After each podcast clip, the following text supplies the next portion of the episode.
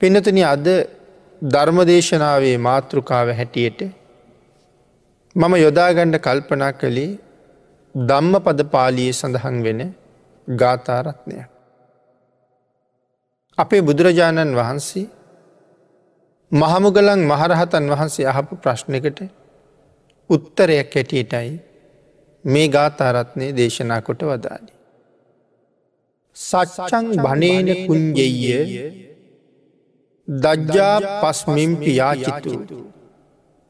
ඒතේහි තීහිට්ඨානයෙහි ගච්චේ දේවාන සංසිකි. අපේ බුදුරජාණන් වහන්සේ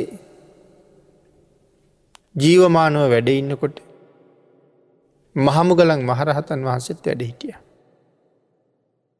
මහමුගලන් මහරහතන් වහන්සේ කියල කියන්නේ මේ ශාසනයේ දෙවනි ශ්‍රාවකය. උන්වහන්සගේ මහ විශේෂත්වයක් තිබුණ. විටක දිවිය ලෝකෙට වැඩම කරලා දෙවියන්ට බණ කියනවා. තවත් වරක් අපායට වැඩම කරලා නිරාගිනි නිවලා නිරිසත්තුන්ට බණ කියනවා. මනුස්ස ලෝකයේ අවශ්‍යතාවය යෙදෙන හැම මොහොතකම ධර්ම දේශනා කළා. දිවිය ලෝකෙට වැඩම කරලා දෙවියත් එක්ක විශේෂයෙන් කතා කරනවා. මේවාගේ උතුම් ආශ්චර්යමත් දිව්‍ය ආත්මයක් ලැබුයි මනුස්සලෝක ඉන්න කාලෙ මොන පින කරලද කියලා හනවා. ඒක ඉගෙනගෙන ඇවිල්ල අහගෙන ඇවිල්ල මිනිස්සුන්ට කියනවා.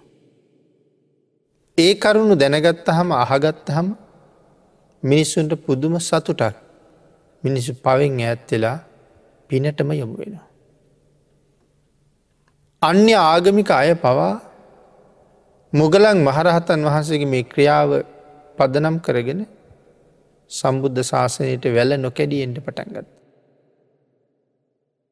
අන්න ඒ නිසා තීර්ථකයෝ බය වුණා මෙහෙම වුනොත් අපට ලැබෙන ලාබ ලෝබ බොහෝම සුළුවෙයි. නොලැබී යයි බඩගින්න ඉන්න වෙයි කියලා. සංසාරෙත් කරුමයක් තියෙනවා මෙදා හේතුව මේකයි තීර්ථකයෝ විසින් පිරිසක් යොදවලා මහමුගලන් මහරහතන් වහන්සේ පස්සෙ කාලේ ගාතනය කෙරෙව්වෙත් මෙන්න මේ උතුම් ප්‍රතිපත්තිය නිසාමයි. පිනතින මහමුගලන් මහරහතන් වහන්සේ දිවිය ලෝකෙ වැඩලා එක මහේෂාක්‍ය දිව්‍යංගනාවක් ළඟ අතර වෙලා ඇගෙන් ඇහුවා මේ තරං ලස්සනට මේ තරං තේජවන්ත විදිහට දිවිය ලෝකෙ උපදිලා දිව්‍ය සැප වලඳන ඔබ මනුලව ඉද්දි මනවාද කළේ කියලා. ඇය උත්තර දෙන්න කැමති වුණේ නෑ. නමුත් රහතන් වහන්සෙනමක් නැවත නැවත අහනකං බලාගෙනීන්ට කාටවත් පුළුවන්කමක් නෑ. එනිසා ඇය උත්තරයක් දෙනවා. ස්වාමීණී මම දනක් දීලනෑ මම බණක් අහල නෑ මං වෙන පූජාවක් කරලනෑ මට එහෙම කරන්න හැකියාවක් තිබුණෙත් නෑ නමුත් මනුස්සලෝක ඉන්න කාලේ මම මොන්නම හේතුවක් නිසාවත් බොරුනං කීවෙ නෑ කියලා. මුසාවාදයක් නං කීවෙන. ජීවිතය නිසාවත් මංබොරු කිවනේ. ආංගේ ආනුභාවයෙන් තමයි මම දෙව්ලවාවි කිය. තවත් දිවියංගනාවක් ළඟට ගියා. ඇගෙන් කාරණ අහපු හමයි සඳහන් කළා ස්වාමීණී මම කාශ්‍යප බුද්ධ ශාසනය කාලි මනු ලොව හිටිය. ඒ කාලෙ මගේ ස්වාමිය හරීම සැර පරුසයි. චන්්ඩ කරූර පුද්ගලයෙක් මම දැක්කහම ඔහුගේ මූුණ රලු වෙනවා. මව දිහා රවල බලනවා. මට නිතරම දොස් කියනවා. වටපිට බලනකොට අතට අහුවෙන් යමක් දෙකින් මගේ ඔලුවට ගහල ඔලුව පලපු ආර සීමාවක් නෑ. තවත් නොයෙක් වර පහර දෙනවා. නමුත් ස්වාමීනී ඔහු මගේ ස්වාමයා නේද කියන කල්පනාව ඇතුව හැම වෙලාවෙම මං ඔහුට අනුකම්පා කළා. ඔහු කෙරෙහි මෛත්‍රී සිත පැත්තුවා. මං මැරිලා දෙව්ලවාවේ ආන්ගේ මෙත්තා සහගත චේතනාව හින්දා. තවත් තැනක දිව්‍යාංගනාවන් පිරිසක් හිටිය. ඒ දිව්‍යාංගනාවන්ගෙනුත් මේ ගෙන හවා. ඔවුනුත් කරපු පින්කන් ගැන කියන්න ලැජ්ජයි. මන්ලො ඉන්න කලේ ලොකු පින්කන් කෙරල නෑ. හරිම දුප්පත් අය වෙලා ඉඳලතිය. ඒ නිසයි මේ කියන්න ඇත්ති පින්කම ගැන.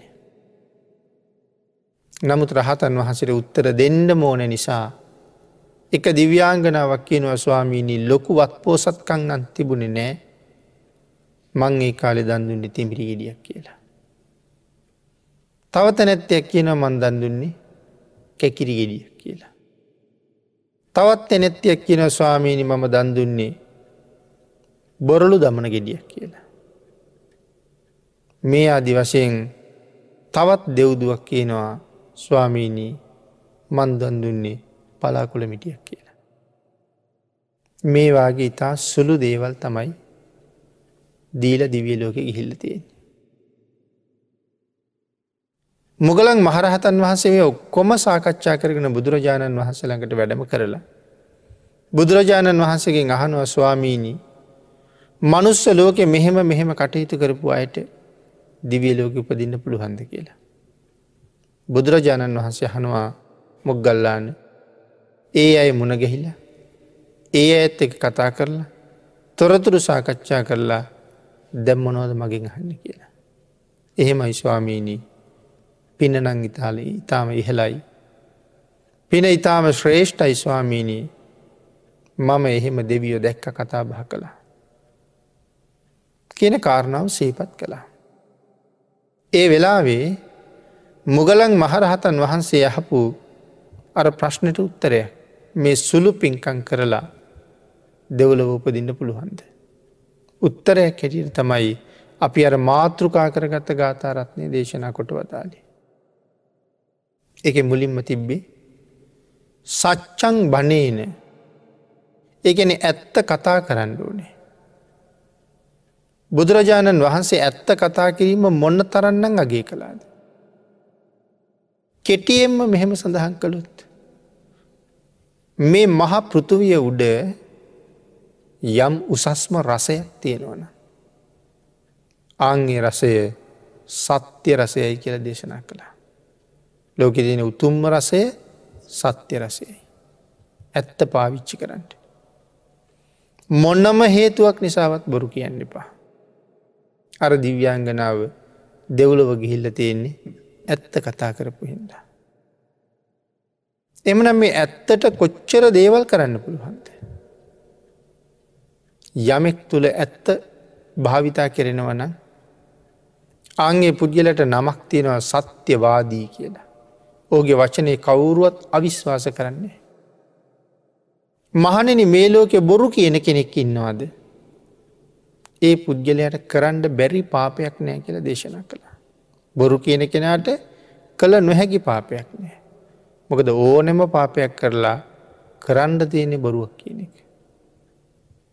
වැරදි වැඩක් කරන බව දැන්න දැනත් ඔහු කරන්නේ බොරු කියන පුළුවන්ගින්ද.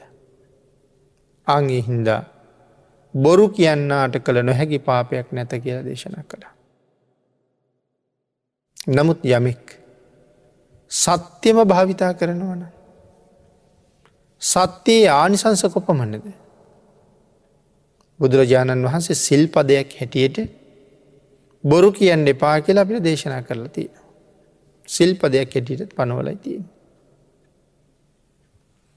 පිනතින අපි මේ කාරණාවදී පොඩි නිවැරදි කර ගැනීමක් කරන්න ඕනේ දැ සමහරය දිවිය ලෝක ගිහිල්ල තියෙන ඇත්ත කතා කරලා.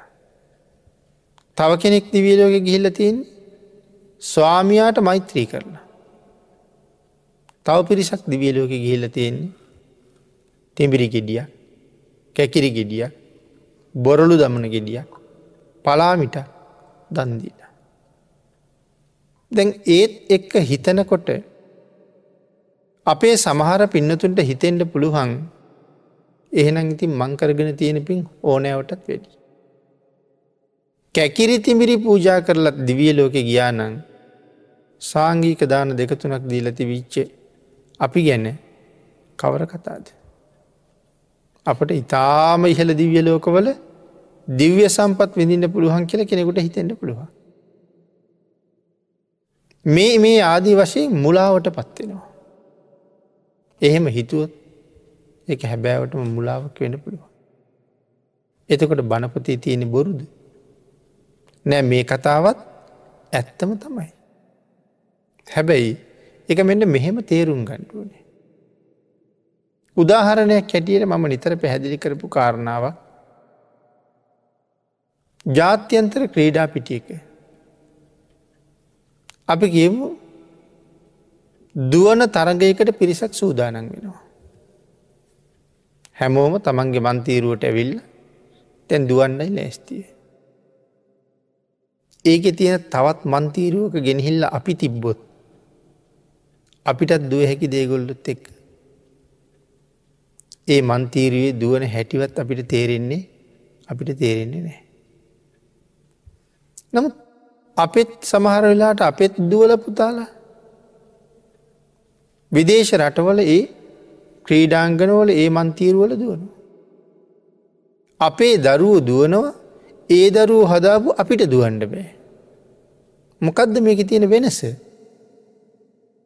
වෙනස තමයි දරු පුංචි කාලිඳලම ඒ තරගෙට පුහුණු වුණ.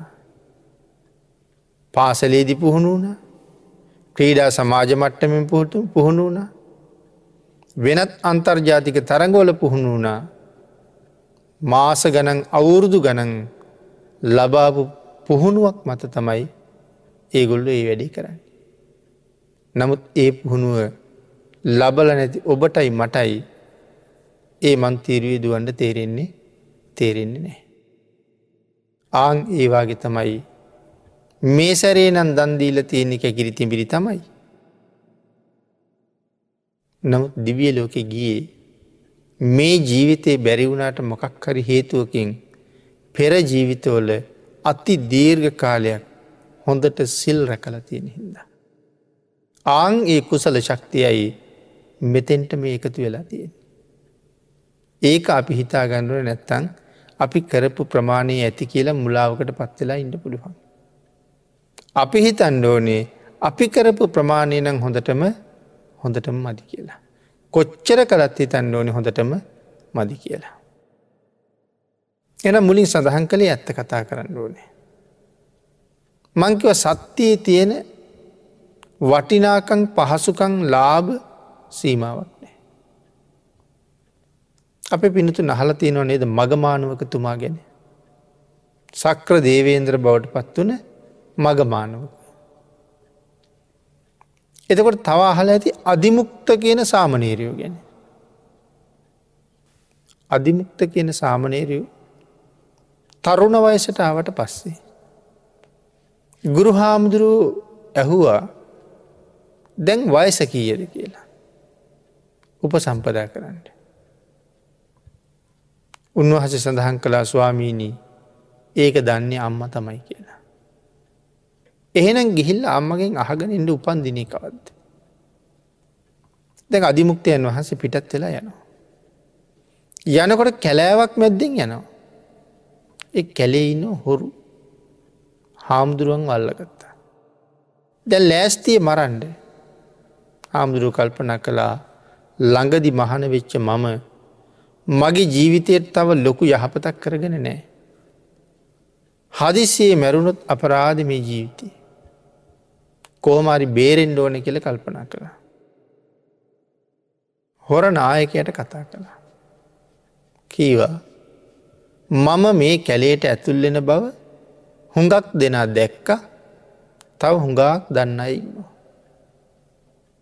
මම මේ කැලෙෙන් පිටවුණේ නැත්තං ඒ මිනිස්සු ඔක්කොම කතා කරනවා මේ කැලේ ඉන්න හොරු අඩ්ඩුම තරම හාමුදුරු නමක්කොතත් හරින්නේ කියලා. ආය කවුරුවත් කැලේට එන එකකුත් නෑ පාඩුව මට දොඹලටද කෙලෙකවා. අපිට පාඩුයි. ඒක තේරුම් අරගත්ත හොර නායකයා හාමුදුරුවන්ව නිදහස් කළා. ඇබ හාමුදුරු සඳහන් කළා මං මෙහෙම කාරණාවකට යන්නේ. නමුත් මගේ ජීවිතය උඹලා බේරෙනවන්නන් මං පොරොන්දු වෙනවා කවදාවත් උඹල මේ කෙලේ ඉන්න බව කාටවත් කියන්නේ කියලා. පොරොන්දුවක් දුන්න. ඉට පස නිදහස් කළා. හාමුදුරූගිය අම්ම තාත්ත මුණ ගෙහුණ උපන්දිනය අහගත්ත මම යන්නන් කියල පිටත් වුණා. අම්මයි තාත්තයි දෙන්න මේ කැලේ හරහම තමයි එන්ඩෝන ගෙදරයන්ට. එතන සහෝදරයත් ඉන්න. කීවෙන අර කැලින්නම් යන්ඩපා මෙහෙම භයානක හොරු කට්ටියක් ඉන්නවා කියලා කීවෙනේ. නමුත් කැලේ මැද දිතුන් දෙනාම හොරු අල්ලගත්තා. දසවද දෙනවා අල්ලගෙන. අම්ම අන්ඩනවා. අනේ අධිමුක්තියන්ගේ හැටි. අධිමුක්තියොත් මේ කැලේ හරහමාව. අධිමුක්තියොත් මේ හොරුන්ට අහුවෙන්ඩ ඇති. මොනව හරි ක්‍රමයකින් බේරෙන්ඩ ඇති. භික්ෂුවක් නිසා හරි අත් හරින්ඩ ඇති. නමුත් අඩ්ඩුම තරම තමන්ගේ අම්මටයි තාත්තටයි සහෝදරයට ඉවත් කීවේ නෑන මේ කැලේ හොරු ඉන්නවා එන්ඩිපා කියලා. පුද්දුම දරුවෙක් තමයි කී කියා මාටනවා. ඒක හොරනායකයට ඇහුණා. අධිමුක්තය උඹලගේ කවුද කියලෙහවා. එ මගේ පුතා මේ ඉන්න උන්වහසගේ තාත්ත මේ ඉන්න උන්වහසගේ සහෝදරය. හොරා කල්පනා කළා මේ තමයි බුද්ධ ශාසනය හැටි. උන්වහස පොරොන්දුවක් දුන්න බොරු කියන්නේ කියලා. අඩ්ඩුම තරමේ තමන්ගේ අම්මට ඉතාත්තටයිවත් මේ කැලෙෙන් යන්ඩ එපා කියල කියලනේ. ඒ තරම්ම සත්‍ය වචනය මත උන්වහස පිහිටලා ඉන්නවා. හොරනායකය සඳහන් කළා ඔය තුන් දෙනා ගෞරවනීය විදිහට නිදහස් කරන්න කියලා. තමන්ගේ හොරු පන්සීයටම කතා කළා අධිමුක්ත සාමනයරයන් වහන්සේ හොයාගෙන ගියා උන්වහන්සේ ළඟ පැවිද්ද ඉල්ලවාමි හොරු. එතකොට මෙවන් දරුණු මංකොල්ල කණ්ඩායමක් සුපේශල ශික්ෂාකාමී පැවිද්දන් පිරිසක් බවට පත් කරවන්ඩ ඔවුන්ට හම්බවන උපකාරයමකක්ද සත්‍ය වචනය. තවත් එක කාරණාවක් සිහිපත් කළු. හාරිත තාපසතුමා අහල ඇති අපේ හාරිත තාපස ගැන. හාරිත තාපස කියලකෙන අපේ බෝසතාණන් වහන්සේ. පංච අභිග්ඥා අෂ්ට සමාපත්ති ලාබීව හිමාලි වැඩඉඳල වස්කාලි ගමටාව. රජ්ජුරුව තමන්ගේ උයනෙ නවත්තගෙන හොඳට ආහාරපාන්නදී සංග්‍රහ කරල පස්ථාන කරගත්තා. මේ අතර එක දවසක් රජ්ජිරුවන්ට අහන්ඩ ලැබුණ රජ්ජිරුවන්ගේ රාජ්‍යී එක කෙරවලක එක ප්‍රදේශයක කැරල්ලක් ඇතියලා. ද රජ්ජිරුවන්ට කැරල්ල සංසිද්ධවන්න යන්න වෙලා. රජ්ජුරුව බිසවට කතා කරලා කීවා මම අහවල් කැරල්ලට යන සංසිද්ධවන්ට. නමුත් තාපසයන් වහන්සේ හැමදාම දානිට වඩිනවා.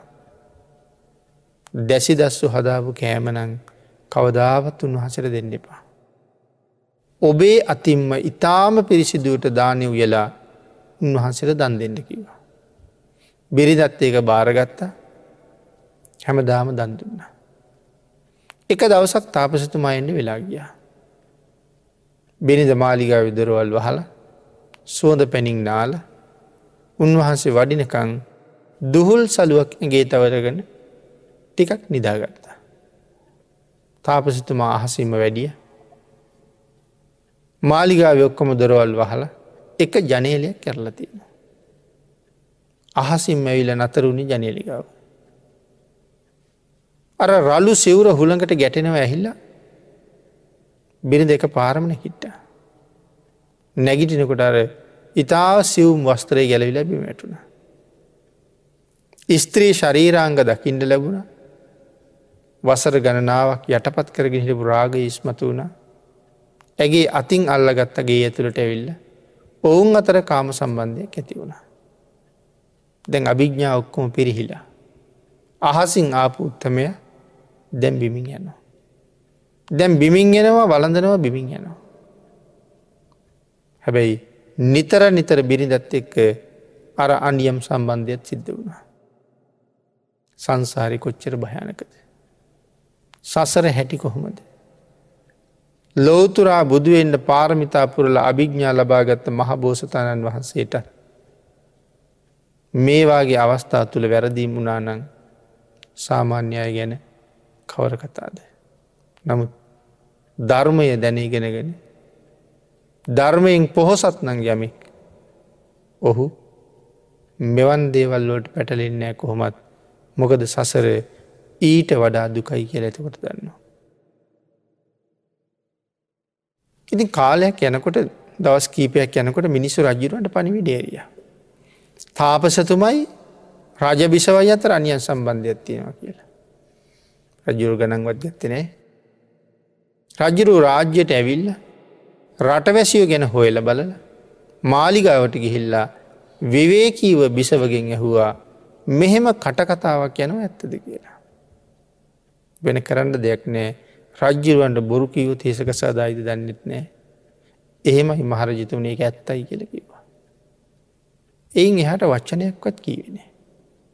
රජ්ජිරූ ගිය තාපසතුමාගාවට. මොකද බිරිඳට වචනයක්වත් කීවෙන ඇත්තේ රජ්ජිරුවන්ට බිරිඳගේ වචන විශ්වාසනය.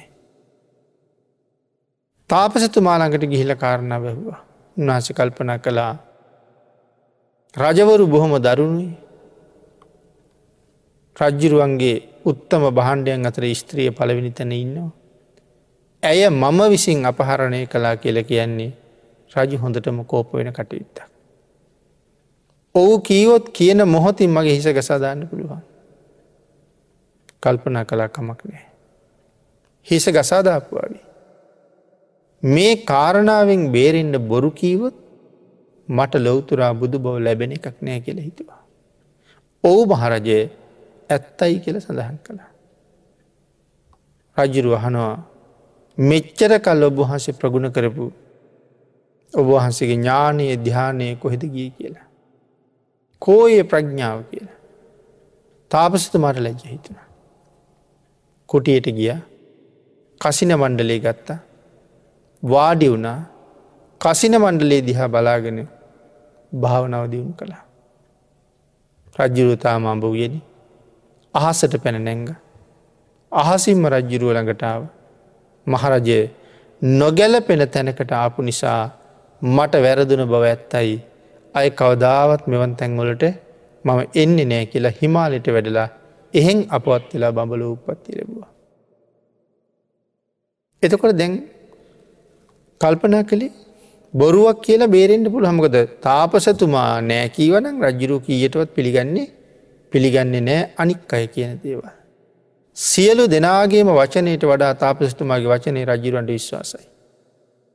ආන්ගේ මහා විශ්වාසවන්තයා මම මේ වැඩේ කළේ නෑ මහරජ කියල කිවුත් ඒකත් ඉහලින්ම පිළිගන්න. නමුත් පස්සෙ කාලෙ දැනගත්තොත් මං ගැන උපරිමයට කලකිරෙනවා. ආං එහෙම කල්පනා කරලා ඇත්තම කියනවා. මහරජ එහෙම වුණා තමයි කියලා. ඉතින් එතකොටයි අරහෙම ඇහුයි කසින මණ්ඩලින් නැවත දිහන වඩාගෙන බඹලෝට යනකන් ගිය. නමුත් රජ්ජුරුවන්ගේ කඩුවෙන් කොටල මරයිද කියන හේතුව පැත්තක තියලා මුසාවාදයෙන් වලකින්ට කටයුතු කළ. සත්‍ය වචනයට කොච්චර දේවල් කරන්න පුළුවන්ද. සත්‍යය තුළ මොනතරං පිහිටක් ආරක්ෂාවක් තියෙනවද. පිනතින මේ ගැන සාකච්ඡා කරනවා නං තව කරුණු ඕන තරන් කතා කරයි. ඔබත් දිවිහිමියෙන් මුසාවාදයට ලක්වෙන්න එපා. බොරු කියන්න එපා. හැම වෙලාම ඇත්ත කතා කරන්න එවන් පුද්ගලයට දෙවි බමුන්ගේ පවා පිහිට සරණත් ලැබෙනවා. මේ ගාථාව දෙවැනි කාරණාව වන කුංජෙය කෝප වෙන්ඩ එපා.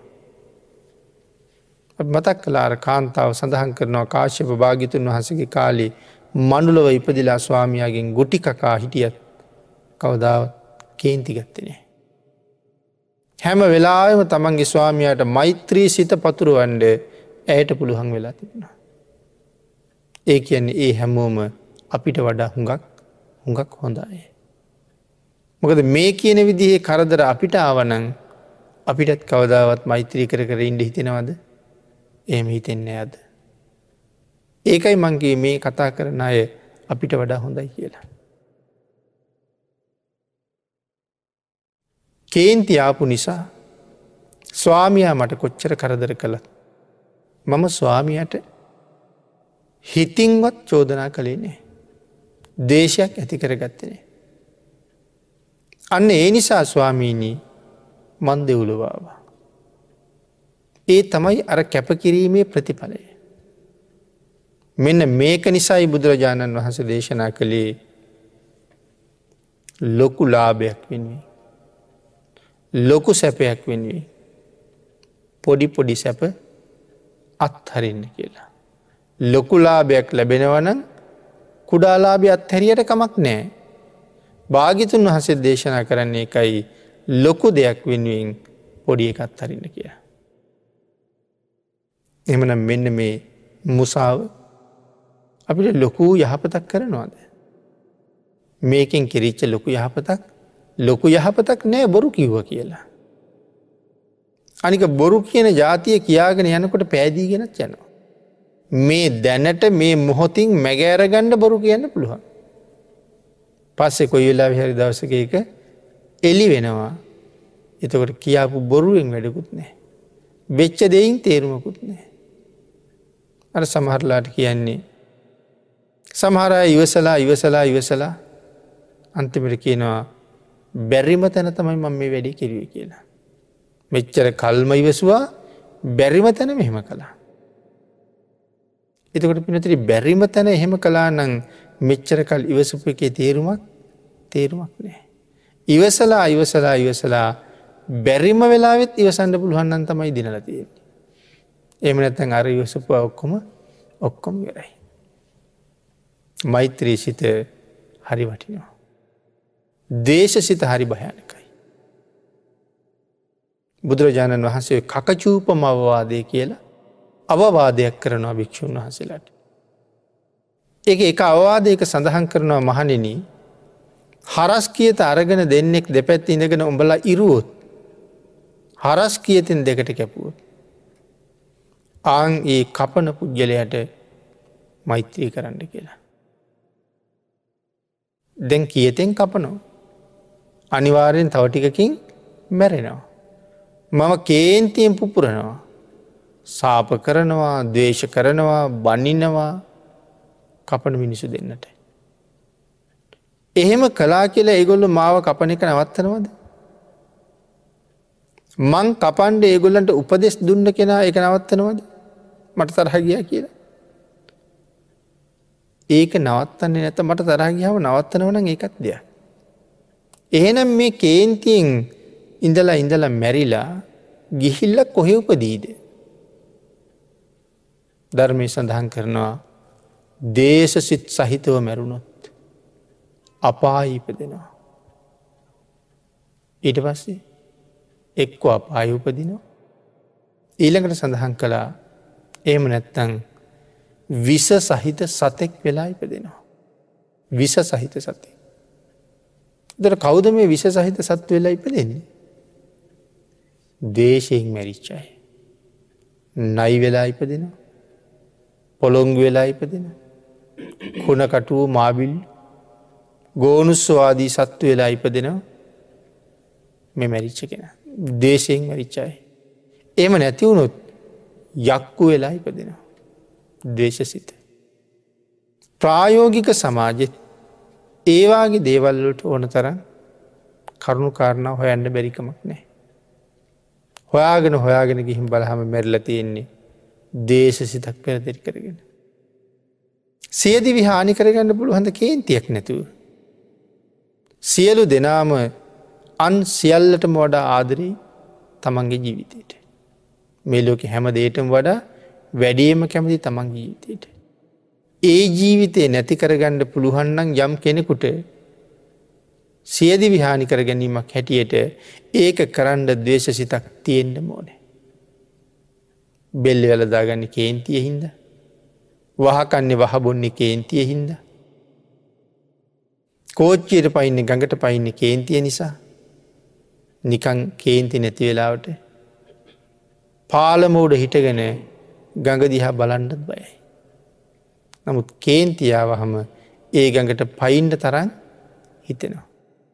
නමුත් එතකොට මැරෙන්නේ මැරෙන්න කේන්තිී සුගතියක් තියයි කියන කාරණාව කොහොමත් හිතන්න අමාරුයි.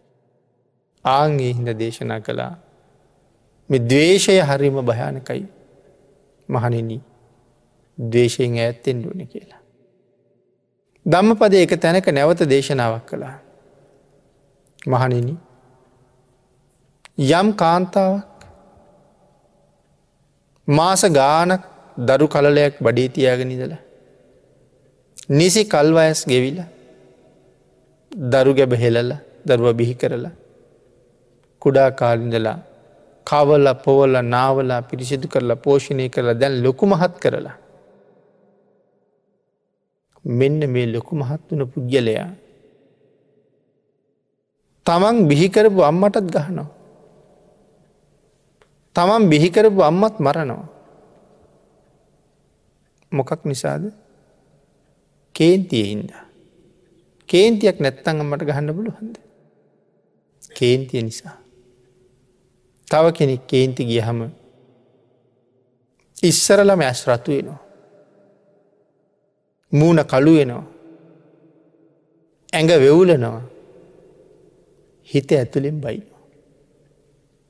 එහෙම බැන බැනඉඳල පස්සේ වචන බවට පත් කරනවා. එහෙම බැන බැනඉඳල පස්සේ වටපිට බලනවා. පොළොමුගුරු හොයනවා ඉළඟට පහර දෙනවා. අවි ආයු දරගෙන ඇඟ සිදුරු කරනවා. කෑලි කෑලිවලට කපනවා. හත්තට පොලේ දහදොලස් පොලේ අනිනවා. මිනිහෙකුට පිහියෙන් අනින්න පුළුහඳ කේන්තියක් නැතු. සමහර වෙලාවට අපි සමාජය හනෝ ඔය විද්‍යුත් මාධ්‍ය මුද්‍රිත මාධ්‍ය අපි දකිනවා එක පොලකට ඇනල නෙමේ දහ පහළුස් තැනට විසිතිස් පොලට ඇනලා. කේන්තියක් නැත්තන් එහෙම ඉන්ඩ පුළුවහඳ කෑගහත්. එතකොට මේ දවේශය කොච්චර භයානකද කියල තේරෙනවා. යමෙකුට දේශයෙන් මගාරින්න පුළුවන්නම් දේශ සිතෙන් ඈත්තෙන්ට පුළුවන්නම් ඒ පුද්ගලය සුගතියටම යනු. සච්චං බනේන සත්‍යය කතා කරන්න. න කුංජෙය කවදාවත් දවේශ කරන්න එපා කෝප කරන්න එපා. ඉළඟට සඳහන් කළා දජ්ජා පස්මිම්පි යාචිතු. ඊළඟට සඳහන් කළේ දන් දෙන්න කියලා. යාචක කියල කියන්නේ ඉල්ලන කෙනාට. යාචිත කියල කියන්නේ දායකයට. යාචකය ඉල්ලනවා. දායකය දෙනවා. යාචක යාචිත. ඉල්ලගෙන අයට දෙන්ට. දානය මොනතරන්නම් ශ්‍රේෂ්ඨද. නිතර නිතර බනහල දානය ගැන කරුණු හුඟාක් අපේ දන්න ඇති. පිනතන බුදුරජාණන් වහසේ වරක දේශනා කළා යම් කෙනෙ මේ ලෝකින් චුත වුණාට පස්සේ. ඒ පුද්ගලය නැවත උපදින්න කොහෙද. මනුස්සලෝකෙද දිවියලෝකෙද බ්‍රහ්ම ලෝකෙද. එහෙම නැත්තං සතරාපායිද. මට බෑ උපදින තැන හදන්ට. මට පුළුවන් මැරෙන්ඩ. නමුත් උපදින තැන මම දන්නේ දන්නේ නෑ. නමුත් මෙහෙන් ප්‍රාණවායුව නික්ම යන ඊළඟ නිමේෂයට මන් තැනක උපද්ධවන්නේ කවුද. මැරිච්ච කෙනා ඒ තරම් වේගෙන් උපදිනවා. කොහෙ හරි උපදිනවා. නමුත් ඒ උපදින කෙනා සුගතිගාමී කරනවද දුගතිගාමී කරනවාද කියන එක තීරණය කරන්නේ සීලේ. සීලය තමයි උපදින තැන තීරණය කරන්නේ දානය තමයි ඉපදුනාට පස්සේ ලැබෙන දේ තීරණය කරන්නේ.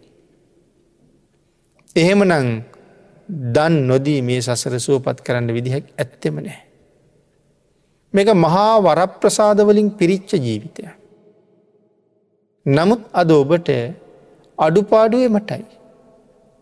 අපේ ගෙවල් දොරවල් වල මොන තරං අඩු පාඩු තියෙනවද. අහවල්ලුන්ට තියෙන අපේ ගෙදර නැති දේවල් ගැන කල්පනා කරලා අපි හරියට දුක් වෙනවා. නමුත් මෙතැන් පටන් නිවන් දක්නා ජාති දක්වා. එවන් දුකක් ඇති නොවෙන්ඩ. එවන් අඩුපාඩුවක් නොදකින්ට. ඉල්ලන ඕනෑම කෙනෙකුට සතුටින් බොහෝසේ දෙන්න. ඕන තරම් ධනසම්පත් සහිත ජීවිතයක් ලබන්ඩ නං දානය අත්‍ය අවශ්‍යයි. ඒක හරී වටින කාරණාව. මේ ලැබිච්ච උතුම් මනුස්ස ජීවිතය මේ භවයෙන්ම කෙරවල වෙනවා කියන කාරණාවක් අපි දන්නේ නෑ. මේ භවයෙන් කෙලවර නොවෙනව නං තවත් ආත්ම කෝටි ප්‍රකෝටි ගණන් සංසාරය අපිට ඇවිදින්න සිද්ධ වෙනවා. ඒසා දීර්ග සසරක ඇවිදින අපිට කොච්චර දේවල් අගහිගවෙයිද. අපි කියමු එදිනෙදාට අවශ්‍යම දේවල් ඒවා අගහිගයක් නැත්තන් අපි කොච්චර සුවෙන් සැපෙන් කටයුතු කරනවද. අන්න එහෙම වෙන්න නං මෙදා දන් දෙන්න ඕනේ. මෙදා දන්දුන්න හම තමයි ඒ දේවල් ලැබෙන්. අපේ බුදුරජාණන් වහන්සේ අපිට දේශනා කළා දානමස්තු දහය අපි එකට කියන මොනදානය කියලද. දස දානවස්තුව යම් කෙනෙක් තෙරුවන් සරණ ගිහිල්ල පන්සිල්ලා ආරක්ෂා කරගෙන දසදාන වස්තුවෙන් පොහොසත් වෙනව නං ඔහුගේ සංසාරික ජීවිතය දුකයි කියල කියන්න හේතුවක් නන්නේ. ලෞකික ජීවිතය දුකක්නේ. හේතු මනාව දන්දීලයිතින්. මනාව ආහාරපාන ලබලයිතින්. අන්න එහෙමයි මේ දසදාන වස්තුව හිත හිතා හිත හිතා සම්පූර්ණ කරනවා. අන්න දෝ බලදෝ හෝති ආහාර දුන්න හම මොකක්ද ලැබෙන්නේ බලය ලැබෙනවා. සැපේ බලය ප්‍රඥාව කියල කාරණා ගොඩක් ලැබෙනවෝ සඳහන් කරනවා. නමුත් විශේෂයෙන් අන්න දෝ බලදෝ හෝති ආහාර දුන්නහම ශරීර ශක්තිය ලැබෙන. වත්තදෝ හෝති වන්න දෝ වස්ත්‍ර දුන්න හම මොනවද ලැබෙන්නේ. සංසාරයට බොහෝම ලස්සන හමක් පෙනුමක් ඇතුව උපදින්නන වස්ත්‍ර පූජ කරන්නකිවා වත්ත දූහෝති වන්න දූ. වස්ත්‍ර දුන්න කියල කැනෙ වර්ණ දුන්න හා සමානයි. අපේ ඇගේ තියෙන පාටට වඩා අපි ඇඳල ඉන්න ඇඳුමේ පාට ලස්සන නැද්ද. ලස්සනයි. ආං ඉවන් ඇඳුම් දන්දුන්න හම සසරට අඩු නැතුව අපිට ඇඳුම් පැළඳුම් ලැබෙනවා. හැරමිටි වාගේ දේවල් පූජා කරහම ඒත් බලයට ලොකු උපකාරයක් වෙනවා. සුවඳ පූජා කරහම මනා තිවුණු ප්‍රඥාවක් ප්‍රඥාවක් ලැබෙනවා. මේ අදි වශයෙන් දානවස්තු දහය ජීවිතය සම්පූර්ණ කරන්න කියලා භාගිතුන් හස දේශනා කළා. දසදාන වස්තුවයි පන්සිලුයි යමෙක් ගව තියෙනවන්න. මැරුණට පස්සේ උපදින්ට හම්බෙන් ඉතාම උසස් තැන. යමෙකුට හොඳට සිහි තියෙනවනං මම තිසරණ පන්සිල් සහිතව දසදාන වස්තුව සම්පූර්ණ කලා කියලා. ඔහුට මැර මරණය ආශිර්වාදය. ඔහු බලාගෙනන්නේ ඇයි තාම මැරෙන් නැත්තෙ කියලා. ඇයි එච්චරුවමනාවක් මැරෙන්ඩේ. තමන් රැකපු සීලයයි දුන්න දානය එක්ක හොඳටම දන්නවා මම දැන් මෙරිලා උපදින්නේ මීට වඩා හොඳ තැනක කියලා. උපදින්නේ මීට වඩා හොඳ තැනකනං අනිවාරෙන්ගේ ගැන සතුටුයි. ඒනම් සිල් ගත්ත කෙනා. මෙලව පරලෝ දෙකම සතුටයෙනවා කියල කීවේ ඔය වගේ කාරණා එක්ක නේද කියලා හිතැඩු. එන භාගිතුන් හස දේශනා කළා සත්‍ය කතා කරන්න. ඉළඟට දේශනා කලා කෝප නොවෙන්ඩ. ඊළඟට දේශනා කළා දන්දෙට්. ආන්ගේ කටයුතුවල යමකුට හරියට දෙන්න පුළුවන්නන් ගච්චේ දේවාන සන්තිකි මරණින් පස්සේ දෙවියන් සමීපයට යන්ඩ හරි පහසුයි. එමනම් කාරණාව අපි සාකච්ඡා කළා. කාලවේලාවට අනු මුලාවට පත්නවී ධර්මකාරණාව තේරුම් ගන්න හැඩි සාකච්ඡා කළා. ඊට අනුව ලැබිච්චෝබේ වටිනා මනුස්ස ජීවිතෙන් නිකරුණේ කාලේ නාස්ති කරලා විනාසමෙන් දරින් නැතු හැකි හැම මොහොතකම කුමන හෝ පින්කමකින් ජීවිතය පුරුවන්ට. ඒ සඳහා ඔබට තුනරුවන්ගේ අනන්තාශිරවාදයෙන් ශක්තිය දහිරිය භාග්‍ය වාසනාව උදාවේවා කියලා ප්‍රාර්ථනා කරනවා.